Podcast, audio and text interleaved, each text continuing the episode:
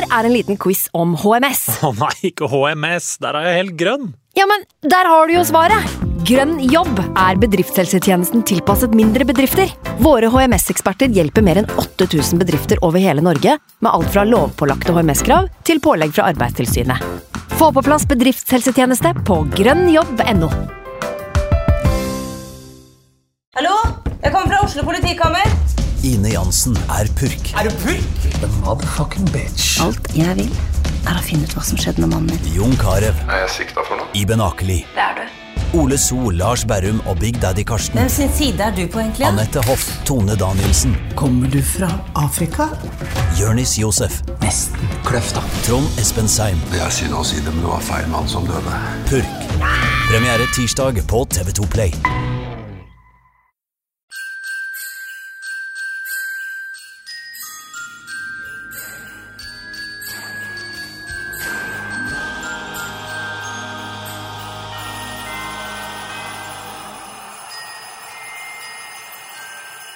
Ny dag, ny luke i kalenderen skal åpnes. Det er 13. desember og kun 11 dager igjen til jul. Det er, eh, Jonas, det er også faktisk Lucia-dagen i dag, så det måtte jeg selvfølgelig markere med litt lussekatt og sånn selvfølgelig. Så, men du vet hvorfor vi feirer Lucia-dagen, eller? Det vet jo alle sammen. Det var helgen Sankta Lucia led martyrdøden i år 304, da hun valgte å vie livet sitt til Gud istedenfor å gifte seg. Og navnet hennes kommer fra ordet lys, og 13. desember er hennes dag i Vesten. Martyrdøden, ja. Er det nå vi skal flette inn at denne episoden er sponset av Færder begravelsesbyrå, da? Ja, det passer jo fint, for den episoden er jo sponsa av Færder begravelsesbyrå, et begravelsesbyrå som har holdt til i Vestfold, nærmere bestemt Sem, Tønsberg og Nøtterøy. Et begravelsesbyrå som ofte er forbundet med døden. Men én ting er sikkert, de sørger for at vi ikke dør med det første, for eh, med deres bidrag så holder vi liv i podkasten litt til. Og Færder begravelsesbyrå gir faktisk 20% på neste dødsfall med Nei, nei, nei, nei, nei. Det, det gjør de ikke, Jonas. Det gjør de ikke. Hva skal lytterne ellers få ut av det her, da? Jeg tenker over 100 episoder i løpet av 2024. Det får holde, altså. Så da tar vi heller inn dagens gjest, tenker jeg, da. Tror du han kommer til å benytte seg av Færder begravelsesbyrå i framtida? Altså, Hvis ikke du introduserer eh, neste gjest, så blir det fort Færder begravelsesbyrå på deg, skal jeg si det. Jeg tenker for en neste gjest, da. Og det er mange som sendte inn forslag i dag på hvem det kunne være. Eh, Det ble en del tips. Noen traff, noen bomma. Men uh, vi har en heldig vinner av en LSK-drakt størrelse hest. For Morten Stokstad tror jeg fant det største han fant, så det sier jo litt om størrelsen til de i Lillestrøm, tror jeg. Uh, men uh, eh, ja. Ja, det må jeg vel passelig, det. Ja, det er jo det. Men eh, vi trekker en heldig vinner i løpet av dagen eh, som vi annonserer. Det gjør vi. Men eh, kanskje du skal kjøre intro og avsløre hvem eh, som befinner seg bak luke nummer 13? Det kan jeg gjøre, vet du. For mannen bak denne luka er eh, en ekte legende. Han er en legende i Eliteserien og en klubbmann av de sjeldne. Han har også en kort, kanskje altfor kort landslagskarriere, vil noen si. Ja, det har har han nok, men konkurransen på stoppeplass var nok hakket tøffere da enn eh, enn kanskje nå, da. Det hadde vært, eh, nå så hadde han jo vært bankers på det laget. Men, eh, men hvordan vil du karakterisere dagens gjest som fotballspiller?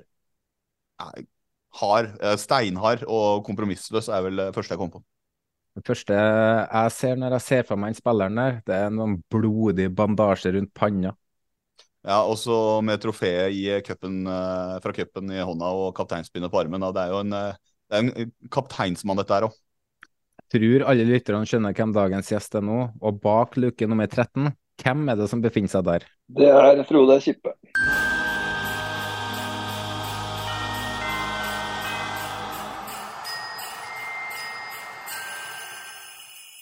Så, velkommen eh, tilbake til eh, oss, Frode. Mats Hedenstad var med oss i går, du i dag. Det blir en litt sånn eh, LSK-innovasjon eh, i midten av eh, desember i denne, kall det julekalenderpodkasten.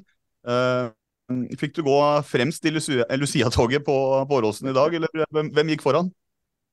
Det er vel Mats som stort sett tar føringa når det er sånne sosiale lag som skal, skal være. Så Mats går alltid foran, så han tok ansvar, han. Men eh, for de som ikke er like oppdatert på, eh, på eh, LSK og deg da, nå, hva er rollen din akkurat nå i, eh, i Lillestrøm? Uh, nei, egentlig gått over fra rolle etter da jeg ga meg i 19, så gikk jeg over en rolle som toppspillutvikler i LSK. Har vært det egentlig siden. Hadde et lite comeback når vi rykka ned i Obos der uh, på slutten av sesongen, før opprykket. Ellers har jeg vært i den rollen nå i, i noen år, så trives godt med det. Har uh, ansvar for en, de, de, unge som er på vei opp til, til A-laget, og de yngste på A-laget. det, det, er en morsom jobb, og du treffer mange ambisiøse unggutter og, og talenter, så det, det trives jeg godt med. Mm. Vi, vi, var jo også litt inne på det i derbyspesialen. Den var ikke jeg med på, men uh, i, um, i, forkant av uh, derby på Åråsen. Uh, men i fremtiden, da, kan du se for deg at du er hovedtrener, eller er det såpass komfortabelt på der du er nå at du tenker at her kan jeg bli lenge? Eh, jo, jeg, jeg, jeg puster litt av det. Jeg, jeg har ansvar for andrelaget, det er jo tredjedivisjon. Så jeg får kjenne litt på den trenerhverdagen uten at det er så mye press der som det er i Eliteserien. Eh, fikk jeg være innom det så vidt når, eh, når Geir valgte å gå til Vålerenga, også, så fikk jeg kjenne litt på å være, være i front der. Så man veit aldri. Nå, nå, trives jeg veldig godt i den rollen jeg har, og har vel to år igjen av kontrakten her. og og har det veldig godt med det. Eh, en trenerjobb er jo, som, som, du sier, veldig, mer utsatt. da. Jeg, jeg har det egentlig veldig ålreit den rollen jeg har nå, men uh, hva framtida bringer, vet man jo vet man aldri. Jeg har i hvert fall lyst til å bli i fotballen i mange år, år framover, så får vi se hvilken rolle det blir. Mm. Det, det, er kanskje ikke å Hvis du først skulle tatt den hovedtrenerjobben eh, noe sted, da, så er det vel kanskje ikke å en overdrivelse å si at eh, den ultimate eh, stillinga på sikt hadde vært for nettopp Lillestrøm, eller jeg må bare ta med det når vi først går innom temaet? Ja, selvfølgelig. Det, jo, det, har vært laget mitt fra jeg var liten, liten gutt. egentlig, så klart det hadde vært det store. Men du skal være klar for det, og det, det er en tøff jobb. Jeg har jo sett mange trenere kommet, kommet og gått, og jeg vet hva som kreves en, i en uh, trenerrolle her. så det, det, er ikke lett. og klart Det er en utsatt posisjon, og du skal være, føle at du du er eh, klar for det når du skal inn i såpass stor klubb som Lillestrøm også. Så, så vi får se. Men klart det hadde jo vært, vært veldig artig å, å vært med å, å, trene det laget her oppover. Men det får se, vi får se hva framtida bringer. det. Foreløpig i hvert fall ikke det noe jeg går og grubler og tenker så mye på. Men, uh, men jeg, jeg, er glad i fotball, jeg er glad i klubben, så man vet jo aldri. Det er jo ikke sånn at uh, trenere bare kan uh, velge seg en klubb å trene da, hvis man uh, kommer dit. Er det noen klubber du ikke kunne ha trent? kan du tillate deg å være så kresen når den dagen kommer? Ja, det, det, det, er helt sikkert. Jeg, jeg vet jo at det er hardt det trenermarkedet nå. så det det er, mange gode trenere som ikke finner klubber. så Det er jo klart, det er, jo tøft å si nei til andre gode eliteserieklubber. Men klart jeg jeg tror ikke jeg skulle vandra ned til, til Valle der. Jeg skulle i hvert fall holdt meg unna. Men vi, ja, ja. vi vet, vet aldri, men det, det, det hadde jeg aldri blitt. hvert fall. Du, du så åssen det gikk sist? Jeg bare tenker Det eneste som kan uh, hive Geir Bakke ned fra den slangelistekoblinga vår, er hvis uh, Frode hadde gått akkurat samme veien. Men jeg, jeg, tviler noe på at det er i Emming. fordi du, du, på mange måter så er det jo selve definisjonen på lojalitet, uh, hvor du ble i LSK liksom nesten hele din aktive karriere, kun avbrutt av et uh, aldri så lite opphold i Liverpool og et låneopphold i Stoke. Men uh, da tenker jeg liksom når du, når du da er, hadde blitt hovedtrener, er det sånn at du hadde klart å liksom mobilisere mot f.eks. Lillestrøm? da, Og skille liksom jobb og følelser der, hvis du hadde trent et ærelag i Eliteserien som ikke var Lillestrøm?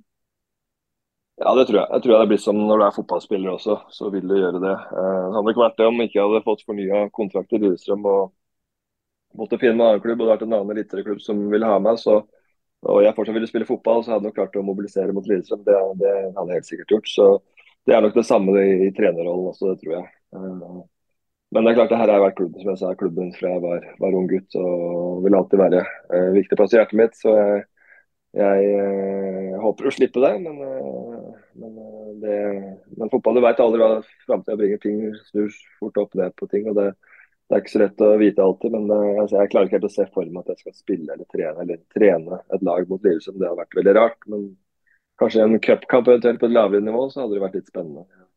Mm. Det, ja, det jeg, er jo, jeg, er jo, egentlig Kolbotn-gutt. så hadde jeg Kolbotn hadde vært trener for Kolbotn og skulle møtt Lillesund, så hadde det vært litt spesielt. Men det, det blir en litt annen situasjon. Ja, og vi kan jo si det til alle lytterne her ute som lurer på om vi sitter på noe info. Det er rett og slett uh, ren hypotetisk spekulering vi driver med. Så bare uh, Det er ikke noe, ikke noe der. Hvis vi ser, uh, ser, tilbake på karrieren din, da, og vi kan ta, ta det helt til starten. For du, du startet som uh, LSK-spiller i 1997, og så gikk du til Liverpool i 1998. Uh, det ble ingen kamp i Premier League, men du er registrert med to cupkamper der. Hva husker du best fra den tida du hadde i England?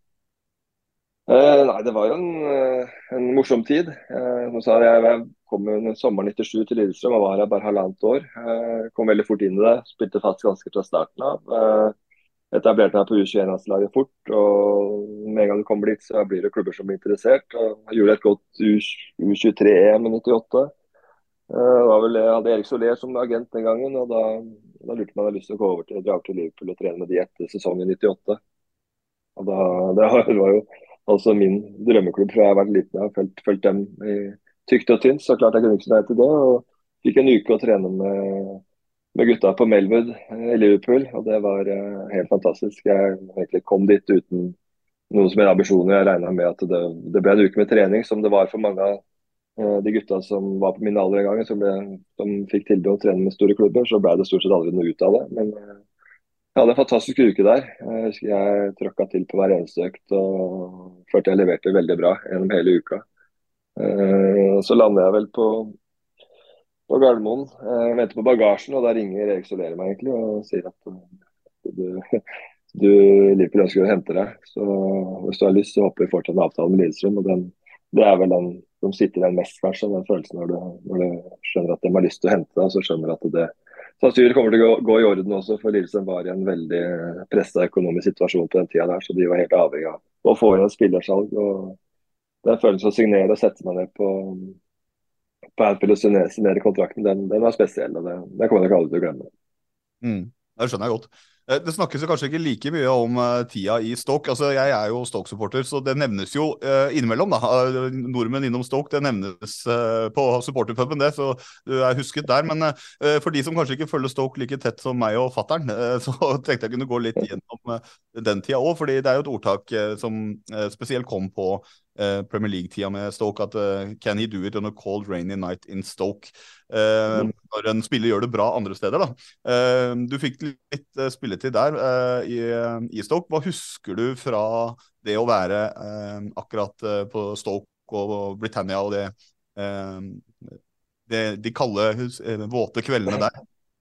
Ja, nei, jeg har veldig gode minner fra det. Jeg har Det altså, det er jo en drøy liten eller en times kjøring fra Liverpool, så jeg bodde der stort hele veien. Uh, Pendla ned til Stoke. Uh, var litt usikker når jeg fikk tilbud om å dra dit, om jeg skulle gjøre det eller ikke. Jeg valgte å gjøre det, for jeg hadde lyst til å spille uh, førstedagsfotball. Uh, kommer ned dit, og det Stoke, for de som har vært der, så er det jo ikke verdens fineste by. Det er jo en industriby med mange fattige strøk og mye, mange piper som går rundt omkring. så det, det er stort, i hvert fall når jeg var der, så er det veldig få spillere som bor, bor der. da. De fleste bor ofte i Manchester eller ut, utkanten av Stoke. så så byen er kanskje ikke verdens fineste, men det var en ny stadion da jeg kom dit. Britannia var jo relativt ny. Eh, fantastisk stadion og ikke minst fantastiske spillere. Eh, jeg kom inn til, Det var mye engelskmenn, pluss at det var eh, Anders Jacobsen var der fra Norge. Pluss en svenske og et par islendinger som kom etter hvert. Så det var et fantastisk miljø. og Det var det jeg kanskje har savna mest fra den tida jeg var i Norge og i Lillestrøm. Det miljøet vi hadde her som på en måte forsvant litt i Liverpool, hvor det er mer mer profesjonelle eh, fotballspillere som måtte er på trening, og så går de litt hvert i sitt. Men her er det mer sosialt. og Vi spiser lunsj sammen etter, eh, etter, hver trening, og vi, vi hadde en, en, go der. da. Så mm. Jeg syns det var utrolig gøy, og ikke minst supporterne der. Eh, de var, de var fantastiske. Så jeg har veldig gode minner. Jeg var jo på to låneopphold. Det var en regel en gang at det var kun lov til å være tre måneder på lån i løpet av sesong. Så det ble to sesonger hvor jeg fikk være der i tre måneder de to gangene. og det det var en fin tid, så det, det, ser jeg tilbake på som gode minner. Absolutt. Det, vi snakka med Bent Skammelsrud for eh, tre dager siden, og han var jo et kvarter eh, i Bayer Leverkusen. Og, og, der var det jo sånn at uh, han fikk jo ikke akkurat noen varm velkomst, for uh, de så jo på han som en konkurrent til, til, ja, på midtbaneposisjon. og de lojale lagkameratene så jo òg på han som en konkurrent av lagkameraten sin. Så de han ble jo sparka ned som bare juling på de første treningene og ble jo omtrent båret av. Fikk du samme velkomst når du var i Liverpool eller Stoke, eller? Jeg gjorde egentlig det, altså. Jeg kan ikke huske det. Eh, I hvert fall ikke Stoke. for han og jeg ble jo egentlig bestekompis med han jeg eh, skulle konkurrere om plassen med. Så, så det gikk veldig fint. Eh, så jeg har ikke opplevd det der. egentlig aldri opplevd Jeg var litt redd for det husker jeg kom til Lillestrøm, men eh, det var jo i 97 når Peter Wernie og Torgeir Bjarmann spilte. og jeg tok egentlig litt plass til Peter Wernie, og da regnet med at han skulle fyre opp litt. Men han også var verdens beste gutt og bare støtta meg og skrøt meg. Så jeg har vært heldig der sikkert. Jeg har, ikke, jeg har heldigvis unngått det. Eller så er det ingen som har turt å prøve seg, jeg vet ikke. Men det, det, det høres ikke noe gøy ut når det blir sånn. Det, det, kunne kanskje vært litt sånn i Liverpool, men der var jeg et stykke unna fra, fra jeg kom. Da skulle jeg bruke tid og jeg skulle ha et år eller to på meg før jeg skulle inn på, på et lag, så det fikk jeg ikke kanskje kjenne på det på samme måte. Men var du likens når Lillestrøm henta nye spillere? At uh, faen, han, han, han jyplingen der skal ikke få ta plassen min, så du var litt hard med de, eller? Eh, ja, det, det skjerpa meg i hvert fall. Det gjorde at jeg var tent hele veien. For det, det skjedde jo gang på gang på gang at vi henta ut spillere. Men uh, jeg også prøvde jo på en måte å, å gjøre som de jeg har møtt før. og ta, ivareta for, ta vare på de som kommer inn. Det er viktig at de skal trives. og du vet. Det er gode folk, så jeg, jeg har ikke det i meg å være en sånn drittsekk uh, mot lagkamerater. Men det, det, gjør noe med den der skjerpingsen at du er på tå. Du gjør alt du kan for å være bedre enn de som kommer. da. Det har alltid vært viktig for meg. Det, har sikkert gjort at jeg kunne spille så lenge på det nivået jeg har vært. på. det, det, har vært en inspirasjon og en uh, viktig uh, motivasjon for meg. Da, opp igjennom at det, er folk som kommer og vil ha plassen min. For det, er jo, det har vært mange som har prøvd seg opp igjennom, så det er ikke tvil om det. Men uh, jeg kan i hvert fall bekrefte da at uh, det, det, har ikke skjedd sånn supermye i Stoke-on-Trent siden uh, du spilte der. Det er fortsatt ganske sånn at jeg forstår at folk bor i Manchester. Det er mange som bor der når du skal på Stoke-tur, vet jeg. Men har, bare, har, du vært der siden, etter at du, du dro? Nei, dessverre jeg har ikke det. Altså. Jeg har, har ønske om å gjøre det. Altså. Så jeg håper at jeg får mulighet til å gjøre det. Jeg har egentlig, egentlig vært veldig lite over. Jeg har vært lite i Liverpool også, så jeg har veldig lyst til å reise tilbake dit. For det, det er en opplevelse å være fotballkamp i Stoke. Eh, så det håper jeg får muligheten. Høres ut som eh, Snorre, Frode og fattern skal på tur sammen. Ja, det kan bli en spenstig trio. det kan si. men, eh, nei, men du må bare, bare si fra hvis du skal ha noen tips. Jeg har vært noen ganger over, så det skulle latt seg gjøre det. Men Uh, uansett, det var bare mest for moro skyld å høre det. Altså. Men på, på, den tida når du spilte der, så var du jo nede på uh, var lå stokk nede på uh, tredje nivå. og som, som, ble nevnt med Anders Jacobsen som lagkamerat og, og, andre som har vært både i LSK og VIF og sånn på 90-tallet. Ricardo Dadasson var innom. Og, mm. og det var en del andre spillere som, som, kanskje er kjent for andre i andre norske klubber. da. Kristian Ørn Sigurdsson som ung unggutt var der, faktisk. Ja, for det var jo en slags islendinginvasjon med islandske eiere og sånn, så det var jo et eller annet, kan du si, relativt mislykka eh, periode i eh, klubbens periode på mange måter. Eh, men eh, hva husker du fra det Du var jo litt innom det at du trivdes eh, godt i det, men sånn i selve garderoben i Stoke og, og Liverpool på den tida, hva, hva husker du aller liksom best fra garderobemiljøet? I Stoke så husker jeg at det var egentlig Det var litt av den gamle engelske kulturen, tror jeg. Det hang litt igjen, spesielt blant engelskmennene som var der. Eh, de var glad i å dra en tur på puben etter en kamp, og de var veldig sosiale. og det, De hadde en sånn der, eh, sosial greie som var viktig for dem. og Da husker jeg når vi fikk islandsk eier og islandsk trener som var der når jeg kom, så prøvde han å snu litt på det, og da fikk han litt engelskmennene mot seg.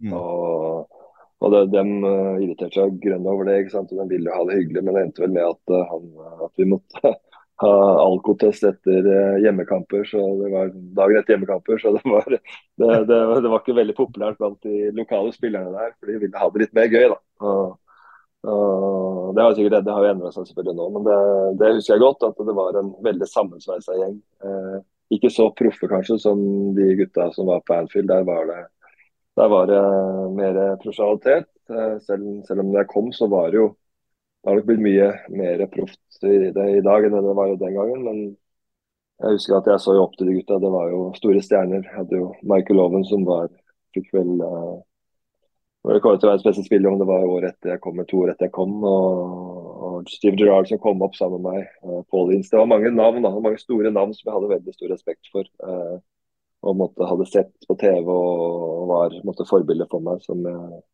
som, var stjerner. da, og de, Mange av dem eh, oppførte seg som stjerner òg, på en måte. Det var, ikke, det var mer, mer, litt mer klikkete enn det var i både Lillestrøm-garderoben og i Stoke-garderoben. og trivdes kanskje ikke så godt med det som, som det, jeg gjorde de andre stedene. Så det var det jeg la mest merke til, som var kanskje den store forskjellen med de ulike garderobene også. Mm. Eh, helt eh, kort, egentlig. Hva, hva, hva, gjorde oppholdet i England totalt med deg som ja, spiller og person? Hva tok du med deg hjem til eh, resten av karrieren? Nei, jeg, jeg, jeg, fikk, jeg, fikk, komme ut og kjenne litt på det. Eh, eh, og så veit jeg at uh, klart du kan tjene penger. Du kan ha det veldig uh, sånn sett veldig fint utlag. Kan sikkert ha det veldig bra også, men jeg merka at jeg satte veldig pris på denne klubben, Lillestrøm klubb, uh, som klubb. folka som har vært her. trivsel i hverdagen som var ekstremt bra når jeg var her. Uh, få kjenne litt på hvordan ting er annerledes. Da, for Du drømmer alltid å være ute, men hvordan er det å være ute? men det er noe spesielt å komme tilbake igjen. Det husker jeg jeg tenkte den gangen eh, jeg gjorde det. Eh, men med det bare å være en så stor klubb og se interessen og ikke minst eh, hvor, hvor store, å møte, være liksom tett på de største stjernene, det var, det var ekstremt moro å se hvordan det var. For det er noe du bare leser om og hører om, men det å se det på nært hold var, var utrolig artig. Og ikke minst spille mot de beste spillerne, eller spille med de beste spillerne i, verden var ekstremt gøy, det også. For du fikk kjenne hvor nivået var på det toppnivået var, og det, det jeg er glad jeg fikk, fikk muligheten til. Mm. Så hadde du reist ut igjen om du fikk muligheten, helt uh, kort på tampen der? Ja, jeg hadde jo måtte, en lite håp om å gjøre det. Uh, men det måtte, måtte, være riktig tid, tidspunkt og riktig klubb på den biten der. Uh, så hadde jeg ikke gjort det. men det satt litt inne for meg. Det skulle være et veldig godt tilbud om jeg skulle gjort det. Nå skjedde jo ikke det at det, det kom noen sånne store tilbud på bordet, så det har vel aldri vært så veldig aktuelt å, å reise ut igjen. Uh, vi hadde jo på en måte et håp om at det kanskje skulle skje etter jeg kom hjem og fikk spilt hjemme et par år, men uh, det, det gjorde, gjorde det ikke. skal ta et lite quiz-spørsmål, Frode. For du, du, tok jo turen hjem til Norge, hvor du ble værende, fra, værende i Lillestrøm fra 2002 til dags dato, egentlig. Uh, og du har jo hatt en del trenere ennå i din tid. Arne Erlandsen henter deg, men husker du hvor mange forskjellige hovedtrenere du har hatt? Nei, det tar jeg ikke sånn på strak arm her, altså. Jeg gjør ikke det. Jeg vil jo regne med at det er uh, godt over ti stykker, vil jeg tippe. Ja, er forskjellige trenere. Altså, du har jo flere som har vært innom der um, ja. flere ganger. Du har ti stykker, faktisk. For du har ja, Erlandsen, ja. Rustler, Tom Nordli, Erland Johnsen, Henning Berg, Petter Belsvik fikk tre kamper. Magnus Haglund, Runar Kristinsson, Arild Sundgodt fikk to kamper, og Jørgen Lennartson. I tillegg så fikk du jo noen uh, Obos-kamper helt på slutten her, da, under Geir Bakke og Petter Myhre. Ja, ja. Ja, men Da vi hørt som vi har fått på alle. Jeg regner kanskje at du hadde glemt Arild Sundgodt her, for han fikk vel bare eh, to eller tre matcher der. Men uh, da har du helt sikkert fått med alle, så det er, det tid. Da. Men det er, det er nok, det. Da. Vurderte du å få noen kamper under uh, Simon Mesfin også, når han hadde treneransvaret? Nei, da, da, det var for seint. Nå går det ikke lenger. Det, det holdt med 2000-sesongen, tror jeg. Eller 2020-sesongen. Mm. Ja, fordi dere, øh, dere snakka om i den derbyspesialen, da. Eh, hvis vi kan gå tilbake til den, om hvorfor det ikke ble noe som særlig mer enn eh, fjerdeplasser og et cupgull da du spilte i Lillestrøm. Og du var jo inne på økonomien som årsak, blant annet. Uh, hvor frustrerende var det for deg å oppleve at uh, de som satt med ansvaret for å styre og drifte klubben, ikke gjorde jobben sin til ja, kan vi si, perfeksjon akkurat? da? Uh, nei, det, Jeg tenkte ikke så mye på det. Jeg følte at det alltid har vært en klubb som vil satse. Satse litt over evne innimellom. Men de ville opp og fram. De var veldig offensive. og de, de ville gamble litt for å lykkes. Så jeg har forståelse for det. Det er en fotballinteressert by som ønsker å vinne ting. og Vi, vi blir desperate til perioder, klubben også. og det, det ble satsa hardt, men allikevel så har det vært et klubb som har sånn, så har jeg alltid fått lønna mi. Liksom. Det har aldri vært noe problem med den biten. De har hatt en såpass kontroll har de hatt hele veien. Uh, uh, men det at vi ikke klarte å oppnå noe i de åra vi virkelig satsa, det, det svir litt ennå. For jeg skulle gjerne hatt det der seriegullet. Det, det hadde vært gøy å fått med, fått med par cupgull. Det, hjelper litt på, men, men uh, et seriegull hadde vært, vært deilig å få. Og det, det jeg sa den gangen, så hadde vi jo muligheten et par år der tidlig på 2000-tallet det ville seg ikke helt. Eh, det var egentlig litt i hvert fall 07 så er det kanskje litt min skyld også, for jeg rota på meg altfor mye kort og måtte stå over mange kamper det året der. Så jeg tror at jeg fikk spille litt for lite. Så det, det plager meg litt ennå. Ja, det sitter igjen nå, ja. ja eh, hvis vi skal eh, ta og tenke på litt mer positive ting, da. Sånn, eh, det beste minnet du hadde fra fotballbanen i, i eh, Lillestrøm, da. Kanskje, kanskje lett å hoppe til en cupfinale og sånne ting, men eh, kanskje noe annet eh, også, om det går an å, å, pirke litt i det. Har du, har du, noe som stikker seg ut der når du ser tilbake på karrieren, som, som et veldig veldig godt minne fra en spesifikk fotballkamp f.eks.? Uh, ja, uh, vi, vi snakka litt om den forrige episoden. Vålerenga-kampene har alltid vært spesielle for meg. Uh, og det var nok det å, det å skåre vinnermålet på at det skårer jeg ikke så ofte. Jeg, jeg har skåret mål, men betydningsfulle mål, det var, det var vel en seier mot Vålerenga i 2009 på Ullevål, hvor du får skåret i 90 minutter foran, foran fansen og, og vinner, vinner, der. Det, det, det var stort. Uh, så Det er et veldig godt minne. Så har jeg på en måte et sånn dårlig min. eller sånn, Jeg husker jeg fikk debuten min på Åråsen i 97. Jeg kom inn i slutten av andre omgang og kom inn som venstre back, husker jeg. Jeg tror vi leda på det tidspunktet, og så klarer jeg å rose bort ballen. Når jeg kom, kommer inn og gir bort ballen til Stabæk-spiller som er aleine med keeper. Da tror jeg liksom jeg har gjort det helt store. Men heldigvis så bomma han. Men det var liksom den første involveringen jeg hadde. og da bare tenker jeg, hva, hva tror det Årås-publikum om den nye signeringen vi har fått? Hva, hva er det de har signert? Så, så Den også brant seg fast, men det er, jo, det er, jo, ikke et positivt minne, men et minne som jeg, jeg sitter, sitter, igjen med. Så, nok til at Liverpool henta deg, da? Det var nok til det. det var nok til det, tror, var, ja. Steven Gerrard lærte jo av det. Han kasta bort et seriegull, han. Og, kanskje du hadde påvirkning på Gerrards karriere, du også?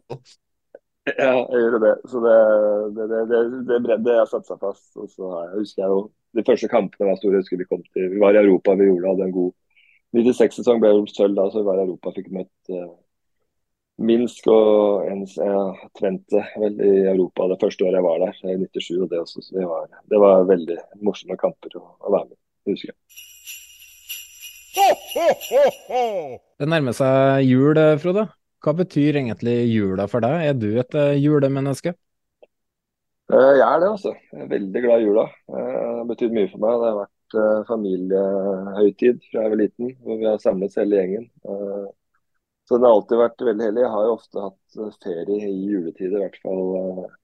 Jeg har vært i, i, Norge, men jeg har aldri valgt å reise bort på julaften. Da jeg har vært hos mutter og fatter hvert eneste år. Uh, så det er en god tradisjon. Så den, den er veldig heldig for meg. det er den. Vi har spurt eh, Brede Hangeland om det samme tidligere, og du er jo oppvokst Du er inne på juletradisjoner i Norge og sånn. Og så, og så blir du jo proff i England, ja, hvor tradisjonen er et eh, vanvittig tøft kampprogram og boxing day hellig og alt det der. Hvor stor omstilling var det for, for deg? Satt du der i England og Stoke og Liverpool og savna Norge, eller? Jeg gjorde litt det, altså. Eh, det var litt annerledes. Jeg savna familien da jeg var der borte, jeg har ikke tvil om det Jeg prøvde å gjøre det så hjemmekoselig og så julekoselig som jeg kunne den, i juletiden der borte. Men det, var, det, var, ikke helt det samme. Så, så jeg foretrekker jula hjemme i Norge med, med familien her. Jeg gjør det altså. Så, selv om du, du, husker jo de, de åra hvor du ikke sitter stort sett alene på, på en liten eller en leilighet i, i Liverpool og feirer. Men uh, jeg har stort sett fått besøk de åra jeg var der, så hadde jo familie over også. Så det, det gikk greit. men det, det den der tradisjonelle jula, julefeiringen, den, den er heller betyr, betyr mye for meg. Da familien kom over eh, med båten og ribbe og norsk brunost? Ja, det kom litt mat innimellom. Jeg husker jeg skulle lage ribbe på Første gang jeg var over der og kom hjem med svinesteik, så det var ingen jeg hadde bomma litt. Så Det var en ordentlig nedtur, husker jeg, første året i England. Men eh, den ribba, den er, den er heldig for meg. Ja. Um, hva skal du på julaften i år? Uh, det blir hjem til, uh, til moderen.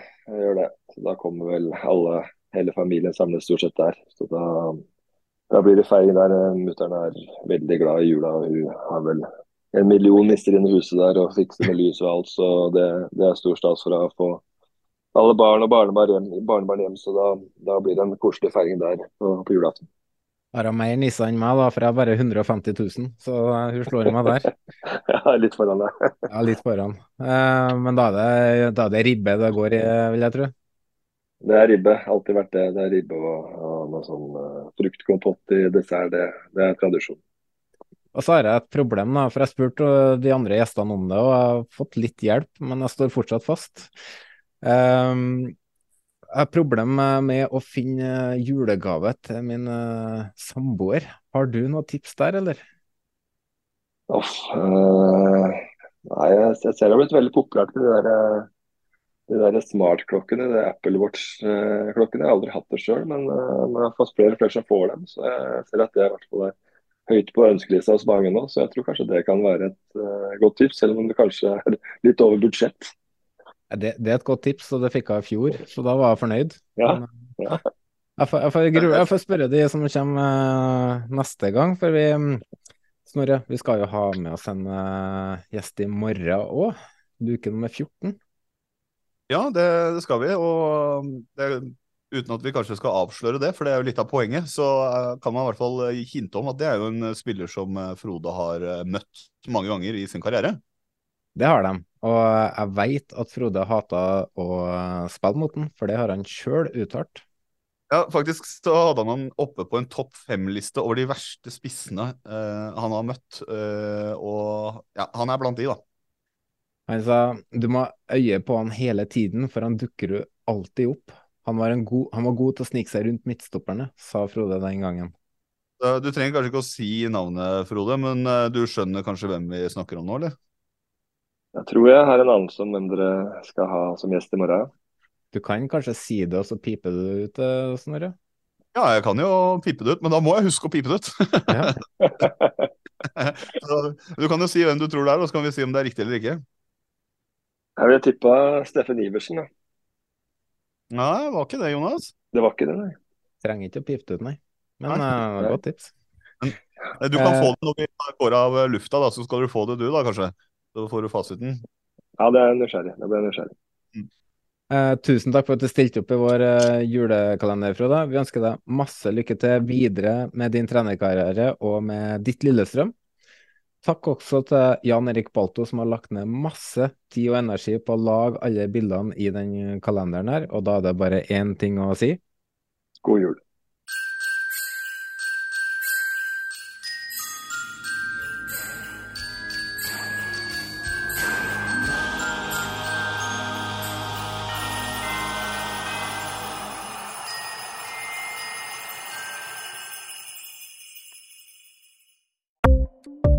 Ukens annonsør er HelloFresh.